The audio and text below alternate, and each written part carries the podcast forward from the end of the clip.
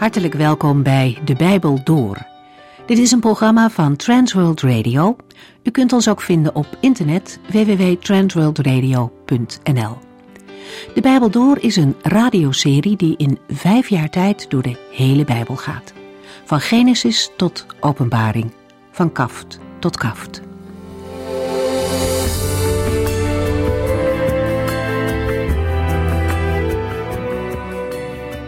Als u meer wilt weten over het wereldwijde werk van Transworld Radio, kijkt u dan op onze website www.transworldradio.nl. Maar ook telefonisch kunt u informatie bij ons opvragen. Belt u met 0342 478432 en dat is natuurlijk tijdens kantooruren. Vandaag gaan we verder met de profetie van Nahum, waar we in hoofdstuk 2 hebben gezien hoe de Heer de Babyloniërs gebruikt om zijn oordeel over Nineveh uit te voeren.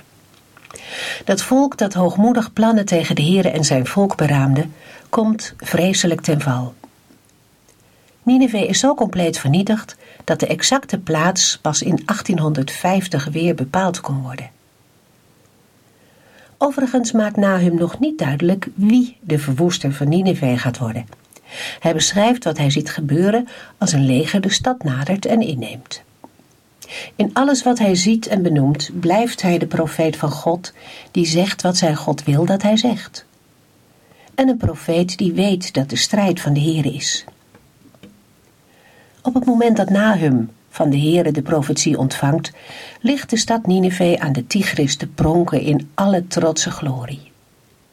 Volgens de inwoners van de stad is het een onneembare vesting. Maar de profeet krijgt van de Heere andere dingen te zien. Hij ziet dat de koning van Nineveh in overleg is met de legerleiding hoe hij de aanval kan afslaan. De gebeurtenissen volgen elkaar snel op. Nahum spreekt in korte, gehaaste zinnen, alsof hij nauwelijks tijd heeft om iets te zeggen, omdat er alweer wat anders gebeurt.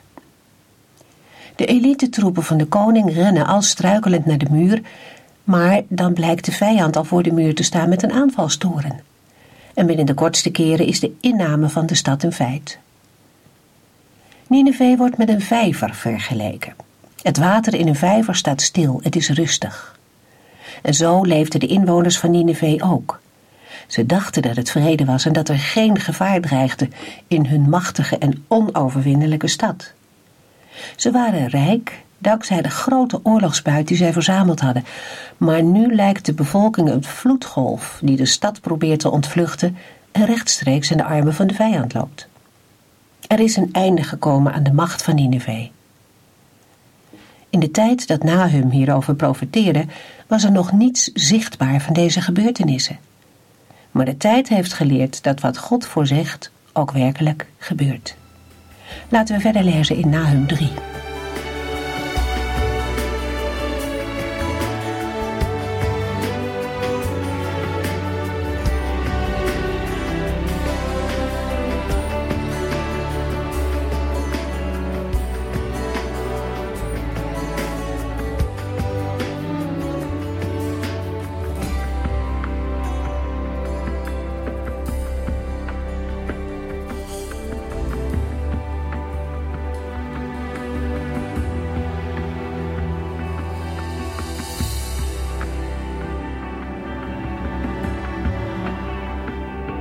Het derde hoofdstuk van het Bijbelboek van de profeet Nahum lijkt op het eerste gezicht weinig nieuws te bevatten ten opzichte van de voorgaande hoofdstukken. Het is ook wat minder moeilijk te vertalen en te verklaren. Wel vinden we in de Hebreeuwse tekst weer de opvallende literaire stijl van Nahum. Deze begenadigde profeet kan zo schilderen met woorden dat ook wij mogen zien wat Gods Heilige Geest Nahum heeft laten zien. Een oude Bijbelvertaler, de kerkvader Hieronymus, schrijft bij de eerste verse van Nahum 3 dat geen enkele vertaling recht kan doen aan de schoonheid van de oorspronkelijke taal. Toch blijkt Nahum 3 niet enkel een herhaling te zijn van wat we al eerder hebben gelezen. Ook Nahum 3 heeft een eigen accent ten opzichte van het voorgaande. Terwijl in Nahum 2 de val van Nineveh geprofiteerd wordt als een verlossing voor het volk van God, ligt in Nahum 3 de nadruk op de betekenis van de ondergang van Nineveh voor de volken. Gods oordelen over de wereldmacht die zich tegen hem verheft, hebben wereldwijde betekenis. Wat verder opvalt in Nahum 3 is dat tal van beelden en gedachten terugkeren in het laatste Bijbelboek, het Bijbelboek Openbaring, of de openbaring die Jezus Christus gaf aan de apostel Johannes op het eiland Patmos. Opnieuw wordt in Nahum 3 duidelijk dat het Bijbelboek Nahum bepaald geen tijdloos boek is, maar dat het ook geen Bijbelboek is dat zijn betekenis al lang heeft verloren. De boodschap staat boven de tijd en heeft apocalyptische trekken. Vooral de lijnen die vanuit het Bijbelboek Nahum naar het Bijbelboek Openbaring kunnen worden getrokken, laten dat zien. Ook in het Bijbelboek Openbaring is sprake van de wereldstad Babylon, die als de grote hoer wordt getekend die de volken van de aarde verleidt. Ook komen in het Bijbelboek Openbaring de handelaren in het zicht als degene die betrokken zijn bij de ondergang van de stad en daarover weeklagen. En zo zou er meer te noemen zijn. Een bekende Bijbeluitlegger schreef: Het oude boek is angstig actueel. We vinden in het Bijbelboek Nahum een boodschap, ook voor onze tijd. Is die boodschap alleen een boodschap van oordeel en ondergang? Absoluut niet. Zoals het Bijbelboek Openbaring troostboek is voor de gemeente van Christus van het Nieuwe Testament, zo is ook de profeet Nahum een trooster voor Gods volk en gelovigen van alle tijden. Bijzonder dat de naam van de profeet ook trooster betekent. Nahum heet trooster en hij is het ook. Immers, het komt Gods volk ten goede en het komt tenslotte de hele wereld ten goede, want de weg van de goddeloze vergaat, voert rechtstreeks naar de afgrond. Uit zulke woorden moeten wij mensen geen verkeerde conclusies trekken, alsof de Heere de goddeloze graag ziet sterven. Het tegendeel lezen we in Ezekiel 18, vers 20b tot en met 32. Een rechtvaardig mens zal worden beloond voor zijn rechtvaardigheid, maar een goddeloos mens zal voor zijn goddeloosheid worden gestraft. Maar als een goddeloos mens zich van al zijn zonden bekeert, mijn wetten gehoorzaamt en rechtvaardig leeft, zal hij zeker blijven leven en niet sterven.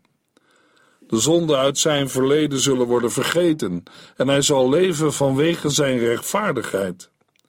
Denkt u dat ik de goddeloze graag zie sterven? vraagt de Heer. Juist niet. Ik wil alleen dat hij zich bekeert, zijn goddeloze wegen verlaat en leeft. Maar als een rechtvaardig mens gaat zondigen en zich gedraagt als iedere andere zondaar, zal hij dan blijven leven? Nee, uiteraard niet. Al zijn vroegere rechtvaardigheid zal worden vergeten en hij zal sterven wegens zijn zonden. En wat was de reactie van het volk Israël op deze woorden van de Heere?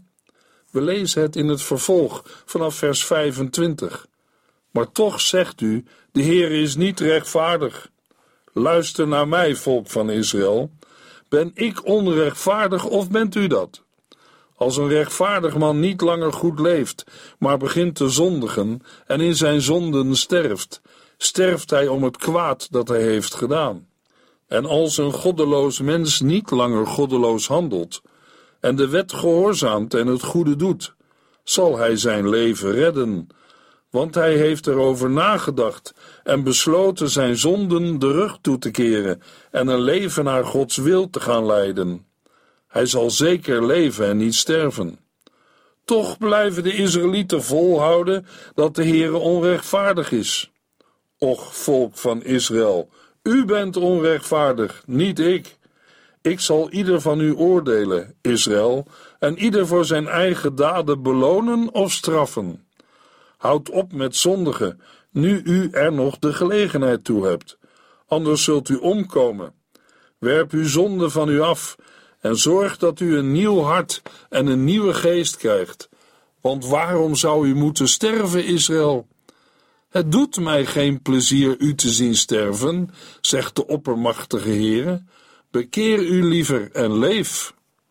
Nahum 3 vers 1 Wee Nineveh, bloedstad vol leugens, stad die uitpuilt van de buit en waar zonder ophouden geroofd wordt. In de verse 1 tot en met 7 tekent de profeet Nahum met twee beelden de totale ontluistering van het eens zo machtige Nineveh, de fraaie hoofdstad van het Assyrische wereldrijk. De beide beelden spreken elk voor zich een ontmaskerende taal. In vers 1 wordt de macht van Nineveh nog een keer haarscherp in herinnering gebracht. Het is een bloedstad. Dat wil zeggen dat de macht van de stad gefundeerd is op geweld, en die macht wordt gehandhaafd ten koste van veel bloedvergieten. Als een roofdier hebben de Assyriërs huis gehouden onder de volken van het Midden-Oosten. Aan al de schatten die in de voorraadschuren liggen opgestapeld, kleeft bloed. Maar aan dat geweld zal nu met hetzelfde geweld een einde worden gemaakt. Wat met geweld bereikt is, kan immers niet blijven bestaan. De Heer Jezus zegt in Matthäus 26, vers 52: Wie geweld gebruikt, zal zelf door geweld omkomen. En de geschiedenis van de wereld is daar doorlopend een bewijs van. Al leren de geweldenaars er blijkbaar niets van in hun hoogmoed. Nahum laat het ons zien en horen in vers 2 en 3. Nahum 3, vers 2 en 3.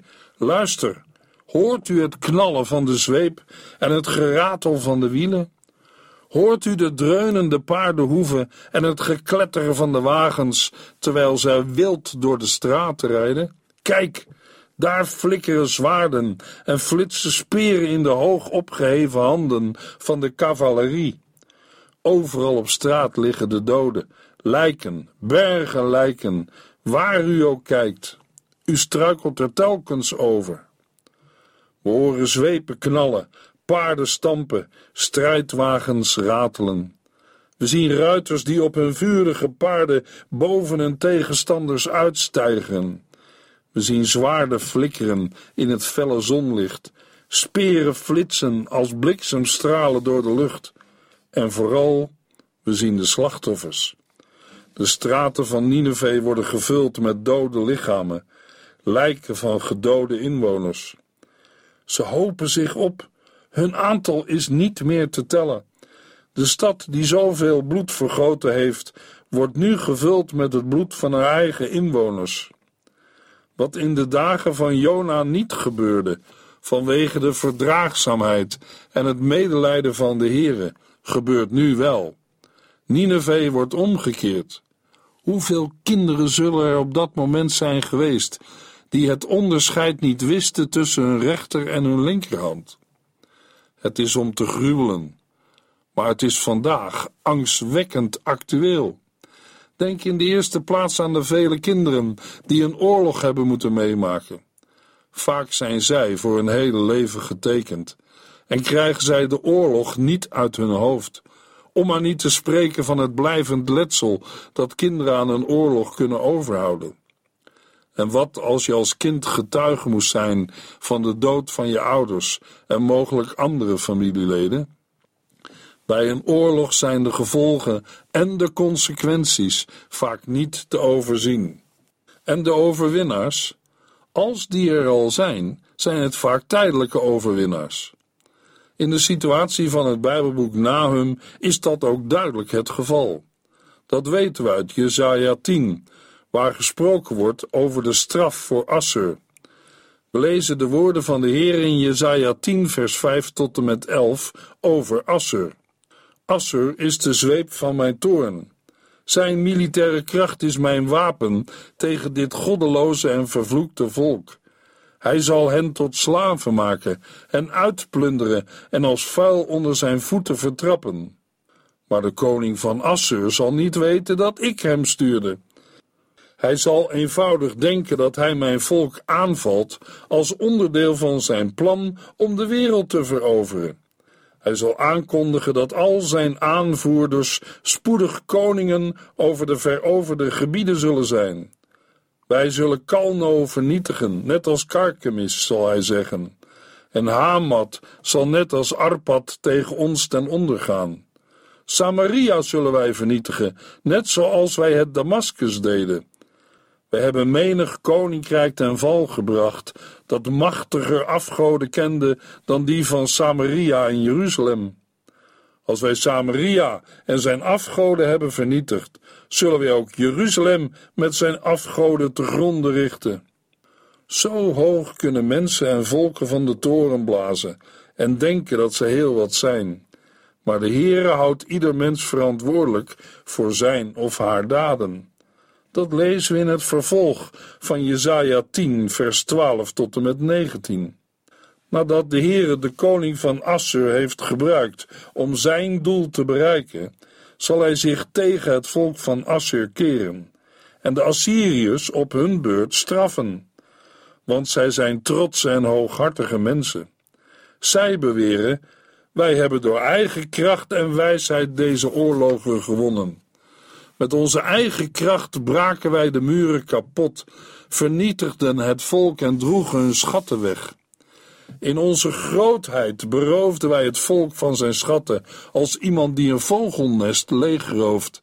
En wij verzamelden koninkrijken als een boer die eieren raapt. Niemand kan een vinger naar ons uitsteken of zijn mond openen om tegen ons te piepen. Maar de Heere zegt: zal de bijl er prat op gaan dat hij meer kracht heeft dan de man die hem hanteert? Is de zaag machtiger dan de man die zaagt? Kan een stok slaan zonder een hand die hem vasthoudt? Kan een wandelstok uit zichzelf lopen? Om uw grootspraak, koning van Assur, zal de Heere, God van de hemelse legers, uw trotse legereenheden vernietigen, als door een verterend vuur. God, het licht en de heilige van Israël, zal het vuur en de vlam zijn die hen zal vernietigen. In een enkele nacht zal hij de Assyriërs, die het land Israël hebben verwoest, verbranden als dorens en distels. Het machtige leger van Assur lijkt op een groot woud, maar toch zal het worden vernietigd. De Heere zal hen vernietigen, hun ziel en hun lichaam, zoals een zieke die langzaam wegkwijnt. Slechts enkele leden van dat machtige leger zullen overblijven, zo weinig dat een kind hen zou kunnen tellen. De profeet Nahum bevestigt de woorden van Jezaja. Om uw grootspraak, koning van Assur, zal de Heere God van de hemelse legers uw trotse legereenheden vernietigen als door een verterend vuur. Bij Nahum lazen we, overal op straat liggen de doden, lijken, bergen lijken, waar u ook kijkt, u struikelt er telkens over. Nahum 3 vers 4 Waarom gebeurt dit alles? Omdat Nineveh zichzelf als hoer heeft verkocht. Deze prachtige stad, meesteres in toverkunsten, heeft de volken met haar schoonheid verleid en hun daarna geleerd haar afgoden te aanbidden. Zo betoverde zij iedereen. In vers 4 vinden we een ander beeld. Het lijkt lieflijker, maar het is daarom des te gevaarlijker. Mogelijk kent u het gezegde dat de duivel beter te herkennen is als hij op klompen komt dan als hij op kousen dichterbij sluipt. Nahum tekent het beeld van een aantrekkelijke vrouw. Ze is mooi en dat wil ze weten ook. Verleidelijk staat zij voor ieders ogen te pronken met haar schoonheid. Ook dat is een kant van het wereldrijk Assyrië en van de wereldstad Nineveh. Misschien is het wel de gevaarlijkste kant want de wereld is zo verleidelijk. Ze heeft zoveel te bieden. Je kunt er dronken gemaakt worden, zodat je niet meer weet wat je doet. De wereld kan een mens zo betoveren dat hij of zij zich er willoos aan overgeeft. Wat een verleiding zit er in de zonde van de wereld. Wat kan er een aantrekkingskracht uitgaan van zaken en dingen die op zichzelf niet verkeerd zijn, maar waar de wereld gebruik van maakt? Zaken als macht, geld en ontspanning. Vandaag ook zaken als techniek en wetenschap. De wereld heeft heel wat middelen tot haar beschikking om een mens te verleiden. Hoe aantrekkelijk is het om in die machtige wereld mee te mogen tellen, om aan die rijke wereld geld te verdienen? We lazen: Waarom gebeurt dit alles? Omdat Nineveh zichzelf als hoer heeft verkocht. De wereldstad, die naar velen lonkt en met iedereen intiem wil zijn, lijkt voor de natuurlijke mens zoveel aantrekkelijker en mooier dan de bruid van het nieuwe Jeruzalem, de stad van God. Hoe snel is er de verleiding? Hoe aantrekkelijk de mogelijkheid als je de kans krijgt om, zonder dat iemand het weet, van twee walletjes te eten? Er zijn al zoveel mensen die betoverd worden door gedachten aan macht, roem en goud of geld. Het zijn sterke benen die de weelde kunnen dragen. Maar waar leert een mens dat? Thuis, bij je vader en moeder? Maar die hadden het er ook al moeilijk mee. Op school van je vrienden en vriendinnen? Misschien wel, maar de praktijk van het leven wijst uit dat ze je eerder helpen met experimenteren, met seks, drugs en drank. Immers, een mens moet weten wat er in de wereld te koop is, niet waar? En je moet toch alles een keer hebben geprobeerd voordat je erover mee kunt praten. Dat je mogelijk ook kunt leren van andermans fouten, die je waarschuwen dat dingen ook verkeerd kunnen gaan en je helpen er goed over na te denken voordat je meedoet en jou ervoor bewaren dat je in een put vol ellende valt. Je kunt ook leren van de wijsheid van iemand die je vertrouwt en ouder is en meer levenservaring heeft opgedaan. Een mens kan zomaar in de ban van van alles en nog wat raken, met het gevaar dat wat je van thuis hebt meegekregen aan geloof en levensstijl snel door je vingers glipt. En als een gelovige het zicht op Gods liefde en genade uit het oog verliest, laat de mens zich gemakkelijk overhalen door de zuigkracht van de verleidelijke wereld. Nineveh had haar schoonheid, aanzien en macht gebruikt om andere volken te verleiden. Als een hoer had ze hen in valse vriendschap verleid. Als de andere volken zich vervolgens ontspanden, terwijl ze dachten dat Assyrië hun bondgenoot was, verwoestte en plunderde Assyrië hen. Nineveh, van buiten mooi en indrukwekkend, was van binnen slecht en vol bedrog. Achter mooie façades verschuilen zich soms verleidingen en de dood. Laat een aantrekkelijke instelling, bedrijf, beweging of persoon je niet verleiden tot het verlagen van je normen of het opgeven van je morele principes en geloof in God. In het licht van de geschiedenis van Israël is het niet toevallig dat het juist koningen als Agas en Manasse van Juda geweest zijn die een verbond met Assyrië hebben gesloten. Nahum laat zien dat de Heere ook op die kant van de wereldstad een antwoord heeft.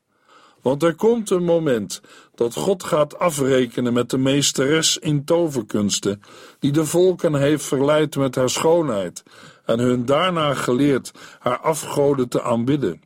Zo betoverde zij iedereen. De tekening van de wereldstad als hoer vinden we ook ten aanzien van de stad Tyrus.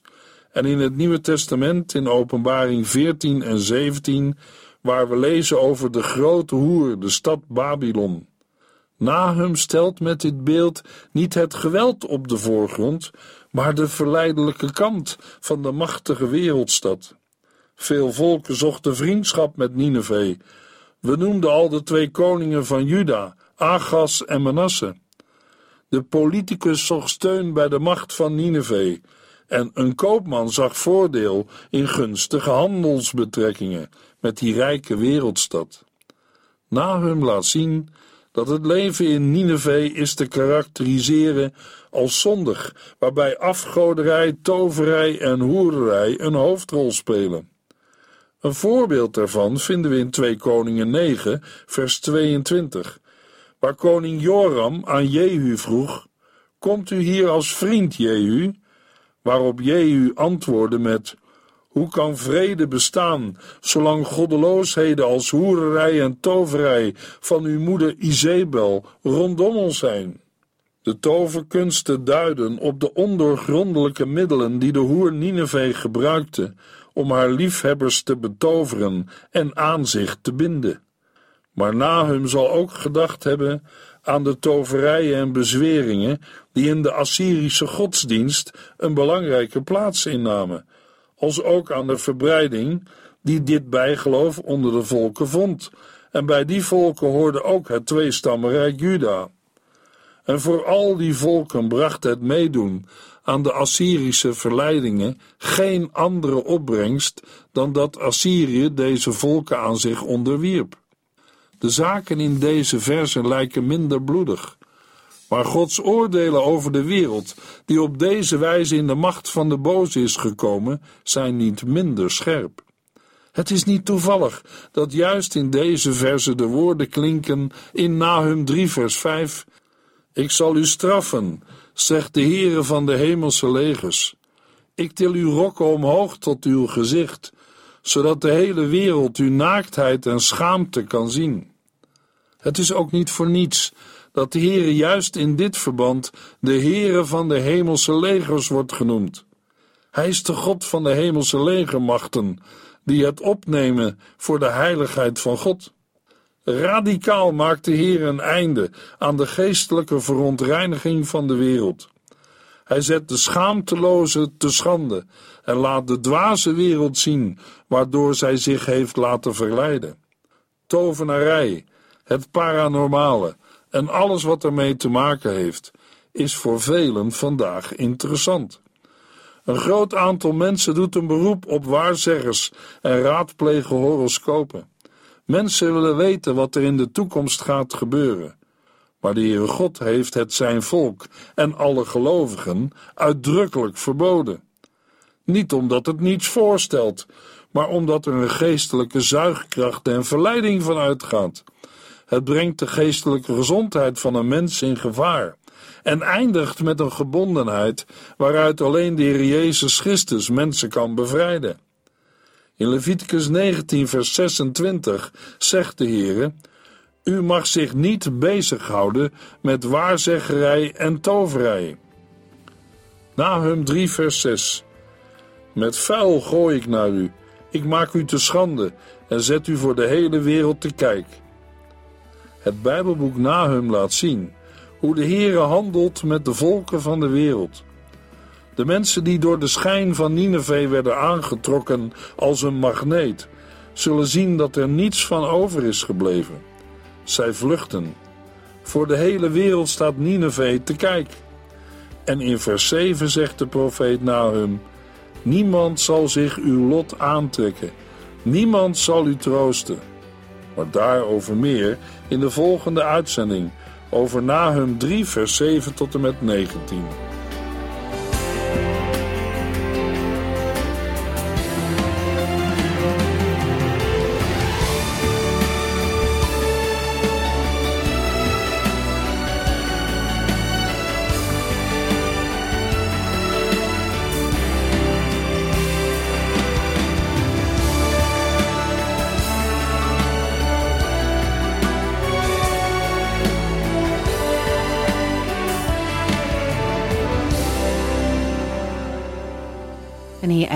Deze aflevering van De Bijbel Door.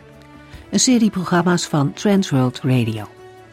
Wilt u ons iets vragen of meer weten? Dan kunt u altijd contact met ons opnemen. Bellen kan overdag met 0342 478432. Per post Transworld Radio. Postbus 371. Postcode 3770. Anton Johannes in Barneveld. En e-mailen kan ook. De Bijbel door at transworldradio.nl En natuurlijk ook via onze website transworldradio.nl Dit programma werd gepresenteerd door Cor Weda en Ike André. En namens iedereen die er nog meer aan meegewerkt heeft, graag tot de volgende keer.